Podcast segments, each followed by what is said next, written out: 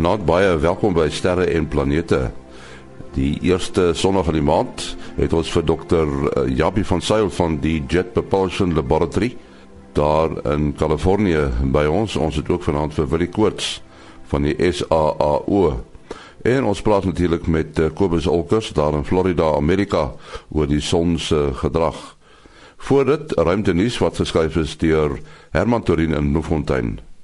NASA het 'n streng evaluasie gedoen van 'n konsep wat uiteindelik swaar genoeg vragte die ruimte moet kan indra en reise na Mars moontlik sal maak. Dit staan bekend as die Space Launch System of kortweg die SLS. Die eerste lansering word vir 2018 beplan en die idee is om aanvanklik 'n 77 ton tuig in 'n hoë wentelbaan om die aarde te plaas.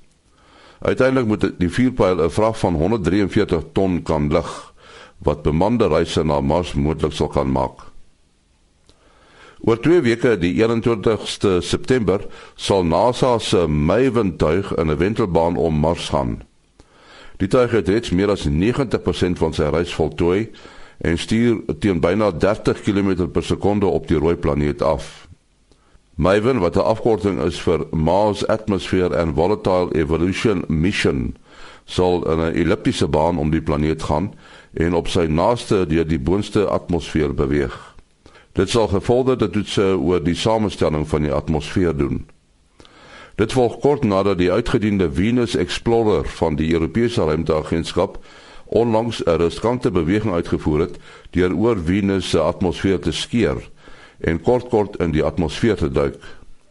Die tuig se brandstof is ongeveer uitgeput en hierdie toetse is vir oulaas gedoen voor die tuig oor 'n paar maande heeltemal sal ophou werk.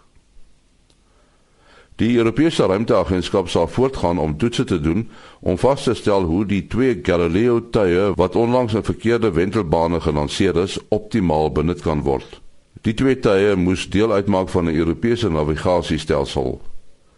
Beide tuie het hul sonpanele korrek ontplooi, verkeer nie in gevaar nie en werk goed, maar in verkeerde bane. Tot sover ruimte nuus wat geskryf is deur Herman Turin in Bloemfontein. Nou skuif ons na Florida in Amerika, natuurlik Kobus Olkers wat vir ons na die son kyk. Hoe lyk die son deesdae, Kobus? Goeienaand en nie 'n goeienaand luisteraars. Die son is redelik stil ten spyte van wat die media vir ons vertel. Ehm um, ek ek ek het gehoor dat selfs op die BBC en hier in Amerika en in Suid-Afrika was dit nou oral nuus van hierdie vreeslike foto wat NASA gewys het wat eintlik nou van 'n ouerige fakkel was. Uh net om vir mense te lyk te wys hoe lyk dit. Ehm um, so ek is bevrees as as mense nou gedink het die einde van die wêreld kom aan met hierdie met hierdie fakkel. Uh, eintlik was daai ding al etlike weke gelede wat wat wat hierdie baie spesifieke fakkel gebeur het. Hulle het nou maar net gewys om om vir die mense te wys hoe lyk 'n fakkel want volgende week gaan ons dalk eene kry. Hier is nou 'n aktiewe area net so oor die noordoostelike kant van die son. En dan moet ons nou ook nou besef, né, die ongelukkige die die die uh die sterrekundiges het nou heen gegaan en hulle het nou die son verkeerd om vernoem want uh hulle het sy oos en wes kant het hulle nou vernoem lank voor ons geweet het dat daar beweging op die son is. So die oostelike kant van die son is nou eintlik die linkerkant en die die ding sit nou net so agter die linker die noordoostelike rand van die son. Hy gaan hierdie week verskyn en hy sal begin uh uit potensiaal vir 'n bietjie vakkels, maar die vakkels is baie klein. Ons ekstraal aanduidings is sover dat ons maar 'n C-klas fakkel uit om uit kan kry en 'n mens moet daarom so nog so drie nulle bysit voor voor ons begin bekommerd raak oor die vakkels. Ons het twee areas op hom uh wat wat effens kompleks is wat vir ons klein uitbarstingkies kan gee. Ons kan dalk binne die volgende 2 weke begin effek sien van hierdie nuwe groot een wat oorkom.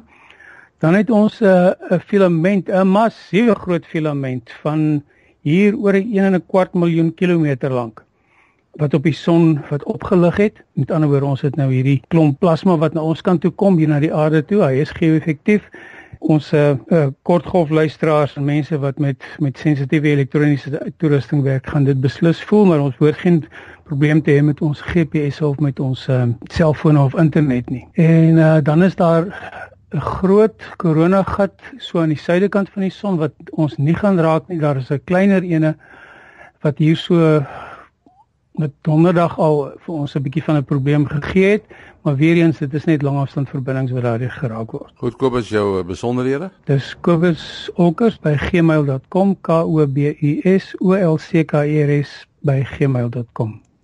Dis hy, Kobus Olkers in Florida, Amerika. Soos gewoonlik uh, hier op die eerste Sondag in die maand het ons uh, vir Dr. Japie van Sail van die uh, Jet Propulsion Laboratory in Pasadena, Kalifornië by ons. Ons het ook vir uh, Willie Coates daar in uh, Sutherland waar dit so uh, ja, nie te lank gelede nie nog gesneeu het. Ek weet nie, Willie, is dit nog so koud daar?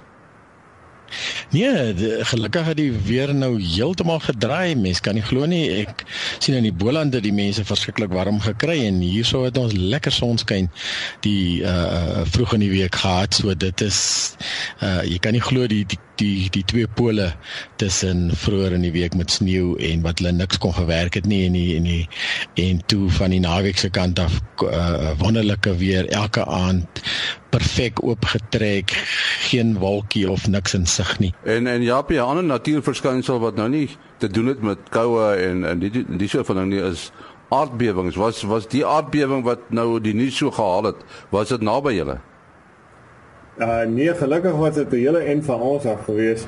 Uh, so ongeveer 500 km hier van ons af. So ons het dit daar, daarom nie gevoel nie. Maar julle is gewoond aan aardbewings. Jy jy sê julle voel elke dag so 'n paar. Ja, nee, kyk hier in Kalifornië is 'n is aardbewing maar redelik algemene verskynsel. Nou gelukkig daar nie sulke groot as gereeld nie. Maar kleintjies elke dag gebeur daar 'n paar kleintjies so nou en dan voel jy so effens 'n skuddingkie en uh dan uh, ons is nou al so gekonfyt ou kan kan skat as dit nie oor 'n 5 is nie dan staan ons nie eens op by die bed uit nie. ja, dis raak gewoond aan alles. Nou Japie, uh dis nou interessant uh, as 'n mens nou kyk na die projekte wat JPL mee besig is, daar's 'n hele klomp wat in 'n sekere sin gelyktydig hardloop. Maar dan uh, is daar van hulle wat nou so skielik na bo dryf. Hierdie Rosetta projek met die uh, Churyumov uh, uh, Gerasimenko uh, komeet, is dit 'n JPL projek? Nee, kyk, dit is eintlik 'n projek wat deur die um Europese ruimteagentskap gedoen word. Maar ons het uh, instrumente daarop om waar dit sê ek het persoonlike instrumente daarop gehad vir 'n lang tyd die wat die NASA bydra was.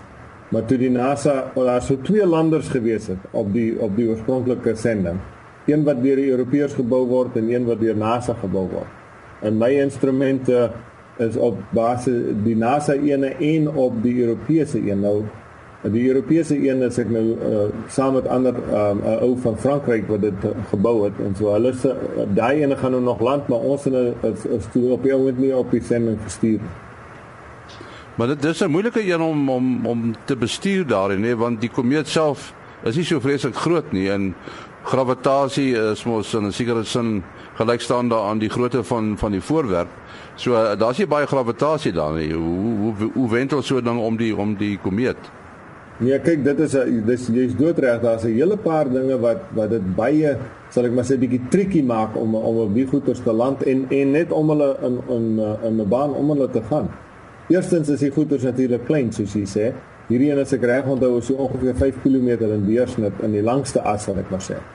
En uh dit beteken dat uh hy nie baie gravitasie nie. So jy moet baie versigtig jou jou berekenings doen voordat jy nou die die uh die uh, laaste wat ons noem burns doen, die laaste kere wat jy nou die die ding sal sal ek maar sê stuur om om om om om 'n baan om om te gaan. Die, dis die eerste ding. Die tweede ding is natuurlik ook dat as jy wil gaan land op hom uh jy weet nie presies hoe lyk die voorwerp tot jy redelik naby aan hom kom nie. En hierdie een het vir ons 'n redelike groot um uh sal ek moet sê 'n surprise gegee. Ons was 'n bietjie die die die vorm en so aan is heelwat uh, meer ingewikkeld as wat mense voorheen gedink het dit sal wees.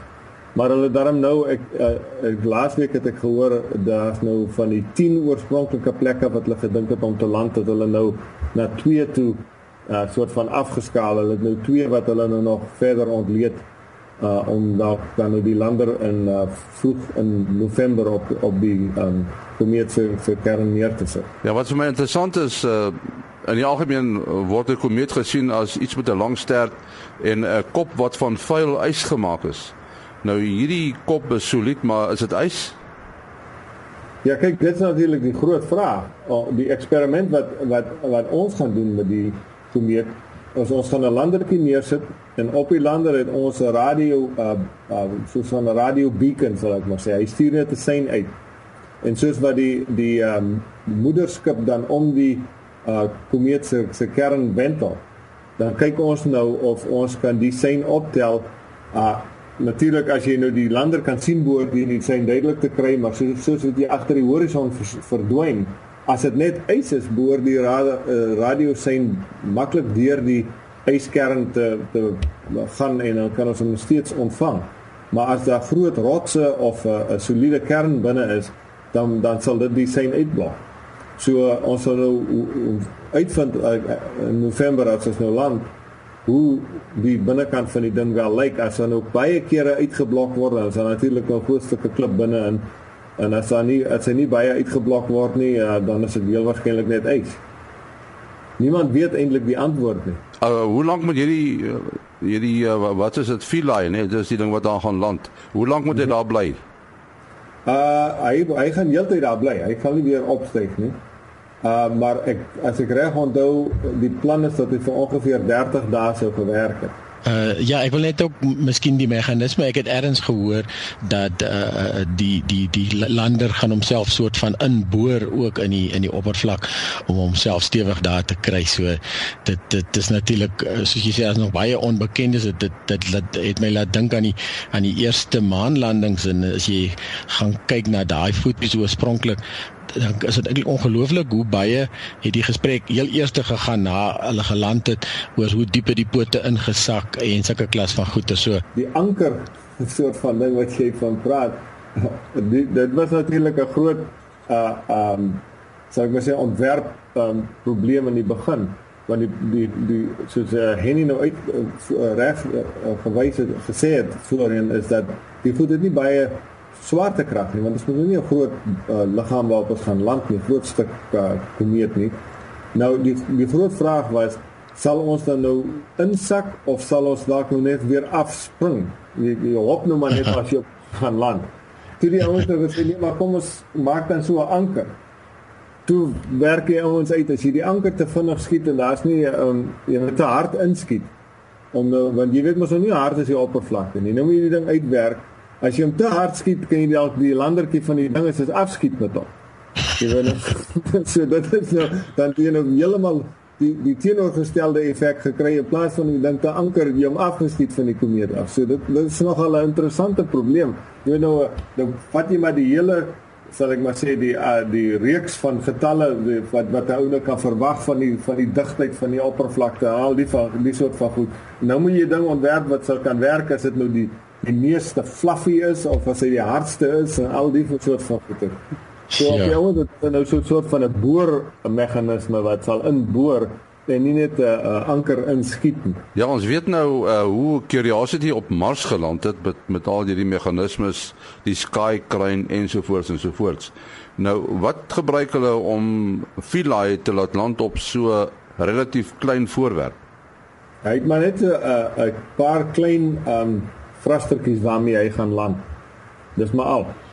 Dis eintlik 'n baie primitiewe manier, maar jy weet die die meeste van die werk word deur die moederskip gedoen want die moederskip kom redelik naby aan die aan die komeet. So jy het nie dieselfde groot probleem wat jy nou deur Mars het. Kyk, die groot probleem met Mars is ons het 'n klein atmosfeer. So alhoewel hy baie dun is, is dit nog steeds 'n hy dig, dig genoeg dat die uh, jou uh, jou skip kan uitbrand, sal ek maar sê. Uh so jy moet spesiale voorsorg tref en hom eers in 'n kapsule toe hou en al so aan tot jy deur die dikste deel van die uh, atmosfeer of tot jy stadig genoeg is sal ek maar so sê. Dan kan jy nou die die die uh um lander kan laat uitkom en dan natuurlik is die swaartekrag redelik sterk. So jy kan nie net daarop uh, staat maak dat die ding so 'n soort van maar net nader sal kom en saggies sal land nie. So dan uh, hy sal om te pletter val as jy hom nie met met een of ander manier um, beskerm as jy nou land soos ons nou met Curiosity gemaak het met die met die um, die die rocket motors wat ons gebruik het. Maar met hierdie klein voorwerpe uh dit is nou basies soos wat jy altyd sien op die televisie as jy ouens nou die hierdie science fiction goed maak. Hy jy gaan maar stadig daar nader kom is amper soos 'n wat hulle noem microgravity. Jy weet, hy gaan stadig nader kom en soort van net in die ding stadig bots en dan maar basies daar gaan land. Hm, hm. Ja, hoe ver is hierdie komeet van ons af? Het iemand 'n idee? Uh nee, ek het nie idee hoe ver hy op die oomblik van ons af nie.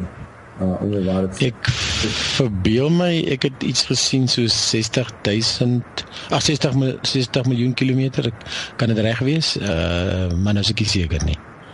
Maar in ieder geval, al hierdie dinge moet nou gereël word. Jy sê die moederskip reël al hierdie goed, maar dit moet nou dopgehou word op so groot afstand en bly vir my nog 'n wonderwerk. Ja, dit is natuurlik waar. Jy weet dit is 'n die beheersentrum in in Euro Europa moet natuurlik heeltyd uh in met die ding in um met die moederskip in verbinding wees en al die berekenings word meeste van die berekenings sou sê word hier op die grond gedoen hier op die aarde en dan word dit teruggestuur na hulle. Ek het gekyk na die die sendinge van JPL uh, waarmee hulle besig is en uh ook uh sendinge wat wat handel oor uh, ondersoeke na Mars. Nou wil ek my verstout om te sê dat dit lyk vir my of Mars naas die maan die planeet is wat ehm uh, wat die meeste ondersoek is. Is ek reg, Japie? Uh, ja nee, dit is ongetwyfeld waar. Uh nie net deur NASA nie. Die, die Russe het natuurlik ook uh voor baie sendinge uh, Mars toe gestuur. En die groot uh, rede daarvoor is natuurlik uh dat Mars in die sogenaamde habitable zone van ons son is. Mense verwag daar kan dalk water wees, daar kon dalk lewe ontstaan het in die soort van goed.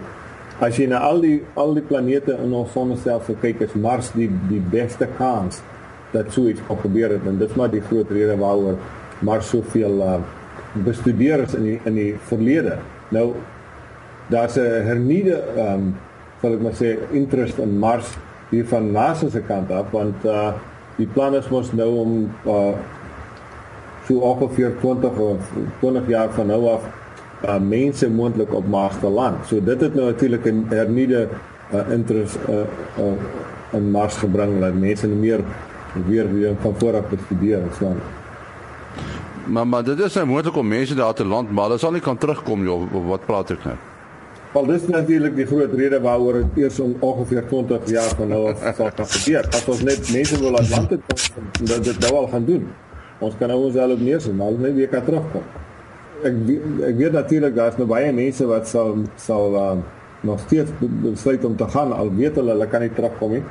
Ten minste as hulle as hulle moet wegtrek sal hulle so sê, maar ek weet nie of hulle dat so bietjie sal ehm um, 'n berou kry as hulle op pad is toe nie, maar is dit 'n bietjie te laat. ja, ek ek sê altyd vir die mense, daar's daar's twee goed wat wat 'n rol speel. Die ene is natuurlik fisiologies. Maar die ander een is psigologies wat in jou kop aangaan want ja. jy weet jy jy's nou al leer met 'n klompie mense. Goed, in die ISS is dit ook so, maar jy weet daarom jy gaan terug. Maar met die uh Mars sendings weet mense nie hoe gaan mense reageer psigologies nie.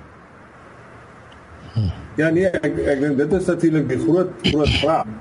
Uh jy weet as 'n mens so toe moet gaan uh, as jy net mooi daaroor dink, dit gaan ongeveer 18 maande vat vir 'n vir 'n sending om so toe te gaan en terug te kom. As jy nie eers vir baie lank daar bly nie. Uh en uh as jy net so 'n paar mense in 'n baie klein kapsuletjie is, dit dit dit vat natuurlik al reeds 'n groot uh um soort van 'n aanpassing vir mense. En dan natuurlik as jy nou daar aankom en jy weet dit is dis nie heeltemal seker of jy kan teruggaan so aan nie. Dit dit sal 'n ek dink dit sal nogal baie psigologiese psigologiese voorbereiding vat vir mense voordat hulle daar kan uitkom. Ja, as as ek dit nou net vergelyk met met Antarktiese ekspedisies en uh ag ek vat selfs toe ek in die weermag was en ons klompie mense gestasioneer wat 'n uh, uh, kanontoring beman en so aan. Jy het net hierdie klein groepie wat elke dag, elke oomblik in mekaar se gesig is dit dit is dit is nogal 'n heeltemal 'n soos jy nie nog gesê het 'n hele psigologiese probleem hierso. En ek neem aan eh, dat eh, daai tipe van toetse sielkundiges en so gaan natuurlik na hierdie toetse uh, gaan mense moet baie baie streng toets om te sien dat hulle uh, net sielkundig stabiel gaan wees en met ander mense sal oor die weg kom en uh, maar natuurlik daar's altyd die ou verrassingkie so dit is baie interessante probleem. ja, nee, solank jy mense het, is altyd 'n verrassing. ja, ja, in uh, laasweek se ruimtenuus het um het Herman Torin nog 'n interessante ding uh hierso uh, opgetel uh, van hierdie uh, Rods Bonanza King uh wat julle nou besluit het om nie te gaan boor nie um en voorlopige toetse het aangedui dat die rots baie onstabiel is toe dit onder ligte aanraking beweeg het. So ja, dit was nou nogal vir my 'n interessante uh um interessante ding so uit die aard van die saak eh, moes moes die uh, iets van die ruimte eie uh, van die uh, uh, van curiosity moes natuurlik daaraan geraak het en en en ook uh, ja, dis eintlik nou allerlei scenario's wat nou kan so gebeur met so 'n rots om jou sending in gevaar te stel. Ja, nee, kyk, dit is natuurlik 'n groot probleem uh, ons moet natuurlik uh, baie versigtig wees. Uh, ons het uh, met die met die uh, sal ek sê met die arm van die van die rover. Uh toe hulle die boor op hom wil neersit, het dit gelyk of die klip beweeg. En uh die die groot ding waarvoor ons bang is, is as jy as jy begin boor en die ding beweeg en knyp die boorpunt vas en ons kan nie die boorpunt los nie, dan sit ons daar vas in die klip. Mm. So dit is uh, op hierdie stadium afgesien yep werk werklik wil na na, na Mount Sharp toe gaan, het ons besluit ons sal liewer deur hierdie klip uh, verbygaan en en liewer ter ander na Mount Sharp toe. As dit nou jy weet as ou nou naby die einde van die sending was en so aan en die klip het nou regtig ongelooflik interessant gelyk, dan kan 'n man miskien 'n Amerikaans gevat het. Maar uh ja, alhoewel die boer veronderstel is om sy punte kan uh, laat uitgaan, jy weet ehm um, dinge het altyd verkeerd loop en uh, dit sou nou nie pret wees om daar daai daar vas te sit in die klip met die boor en dan kon ons nie verder ry die skerpien se angel nou vasgeknyp daar so ja dis hy dis hy dis omtrent dis 'n goeie een daai ja dis omtrent net nou uh, ja ja ek wil net weet Mars Odyssey uh, is hy nog aan die gang? Hy werk nog hy werk nog as een van die oudstes hy het in 2001 al daar aangekom maar hy werk nog steeds Maar ons het natuurlik nou van sy van sy uh, sogenaamde reaction wheels en so aan begin 'n bietjie oud raak. So ons raak 'n bietjie bekommerd dat ons dalk nie genoeg ehm um, uh satelliete daar sal hê vir die toekoms om die om die kommunikasie vir ons te doen. Maar ek sien Indië is ook nou op pad soontoe. Ja nee, hulle kom aan, daar's twee satelliete op pad soontoe nou, een van NASA en een van Indië en die een kom die 21ste September aan en die ander een die 23ste September. So dit gaan 'n interessante tydjie wees om albei van hulle dan in die regte bane om Mars te sit. En natuurlik ons uh, ons moet vir almal die uh, die kommunikasie doen met ons sogenaamde deep space netwerk wat ons gebruik hierso. Ja, ek wou sê, julle sê dan seker vir mekaar wat die roetes is uh, op die koördinate van van die bane. Ja, nee, ons ons uh, ons maak baie seker dat ons nie aan mekaar vasvlieg aan kant. ja van die dae sal daar moet 'n beheertoring, lugbeheertoring opgesit word op Mars. dit so aangaan. Ja. Ons het al gepraat oor die Voyagers en dit is vir my nog die mees verstommende want hulle hulle trek nou al ver weg as hulle sy die heliosfeer uit nê nee, want uh, maar daar's nog kommunikasie met hulle nê. Nee. Ja kyk ons kry elke dag nog data van hulle af terug. Nou om vir 'n idee te gee hoe hoe swak daai seintjie is. Uh, uh ons gebruik natuurlik verskriklik vir groot antennes. Hulle 70 meter in deursnit. En in jy moet 'n uh, uh, die 70 meter en 'n paar 34 meters bymekaar sit om hulle sein te ontvang. Die sein is so swak dat as jy hom vir ongeveer 'n triljoen jaar daai sein sal um uh, um sal ek maar sê integreer, dan sal jy die lug in jou uh, in jou um, yskas kan laat brand. Dis so, dis so swak soos daai seentjies het gedag ons sterkundiges kyk na na flou goeters wat baie ver weg sit maar hier het jy natuurlik die teenoorgestelde probleem. So jy het nou uh jy het nou die radio seintjie en en jy moet nou al die inligting daai kry. Ja dis dis net ongelooflik. Uh so jy het eintlik 'n klein SKA'tjie hier in in die kleine wat om die klomp inligting bymekaar te kry om daarmee uh, dat jou jou signal to noise jou jou jou geraas die sein dan bo kan die geraasvlak kan uitstyg ja, ongelooflik. Ja. Ja, dit is ongelooflik. Later sal ons dalk vir julle moet vra om die die SKA te gebruik as as ons te ver weg die met die met die hmm. voices. So so dis dis interessant wat jy nou sê want ek wou jou vra oor radiosyne. 'n uh, 'n radiosyne uh, is is 'n X X getal krag wat wat uh, afkom en jy moet aan die onderkant moet jy nou maar net meer ore opsit nê nee, om te hoor. Dis reg, jy moet jou ore al groter en groter maak soos wat jy verder en uh, verder en verder weggaan. Want die die die sein verswak met uh, basies die kwadraat van die van die afstand wat jy weggaan. So as jy twee keer verder weg is, is die sein vier keer swakker. So dit raak ongelooflik vinnig swak. En on, onthou die die die uh die sender op uh op uh Voyager stuur maar omtrent 60 watt piek. Hey, hmm. dis is 'n gloeilamp in jou huis. Ja. En uh, wat ons kan nou stuur. So uh de en uh, dit vat ongeveer 38 uur vir 'n sein om uh, by Voyager te gaan en terug te kom teen die spoed van lig. So jy kan nie uh, dink hy's 'n uh, paar biljoen kilometer ver van ons af weg. So dis ongelooflike lang afstande. Ja, ek wou nou vra, jy weet die ouens is nou nou aan die gang met die tegnologie en so aan. Is die tegnologie van radio-uitsendings oor sulke groot afstande, uh, is daar enige vordering daar? Nie eintlik so seer vordering in die in die uh, in die sin dat ons nou iets spes, uh, jy weet 'n verskriklike nuwe tegnologie gebruik nie, maar uh, daar's vordering in die sin van ons gebruik uh, baie beter um, en baie meer sensitiewe ontvangers hier op die grond. Dit is maar basies waar die groot um, groot uh, sal ek maar sê die die vooruitgang is. En uh, wil jy hulle weet natuurlik hulle in in die SKA gaan natuurlik nog baie sensitiewer wees. So dis dis maar die area waar waar daar baie navorsing gedoen word.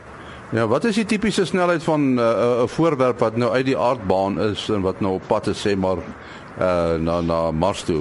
Hoe vinnig word daardie voorwerp in die ruimte ingestuur? Wat dit hang af van natuurlik waarna toe ons gaan. By byvoorbeeld Um die die vinnigste mensgemaakte voorwerp wat op die oomblik vlieg is uh die Juno satelliet. Hy vlieg teen ongeveer 36000 km per uur. Ja. Um uh, hy is natuurlik so vinnig omdat ons hom 'n paar keer hier by die aarde verbygevlieg het en die aarde se swaartekrag gebruik het om hom te versnel. Maar as dit tipies as ons as ons goed hier lanseer dan trek hulle teen so ongeveer 20000 uh, km per uur. Ons het ongelukkig nou uh, die einde van ons program bereik. Wil jy jou besonderhede? Ja, mens kan bel SMS of WhatsApp 0724579208. 0724579208. En Japie joune? My uh, e-posadres japiejpl@gmail.com. So japiejpl@gmail.com. Ons sê baie dankie aan uh, Dr. Japie van Sail daar uit uh, Kalifornië by uh, die Jet Propulsion Laboratory en aan Willie Koos van die SAAO daar op uh, Sutherland.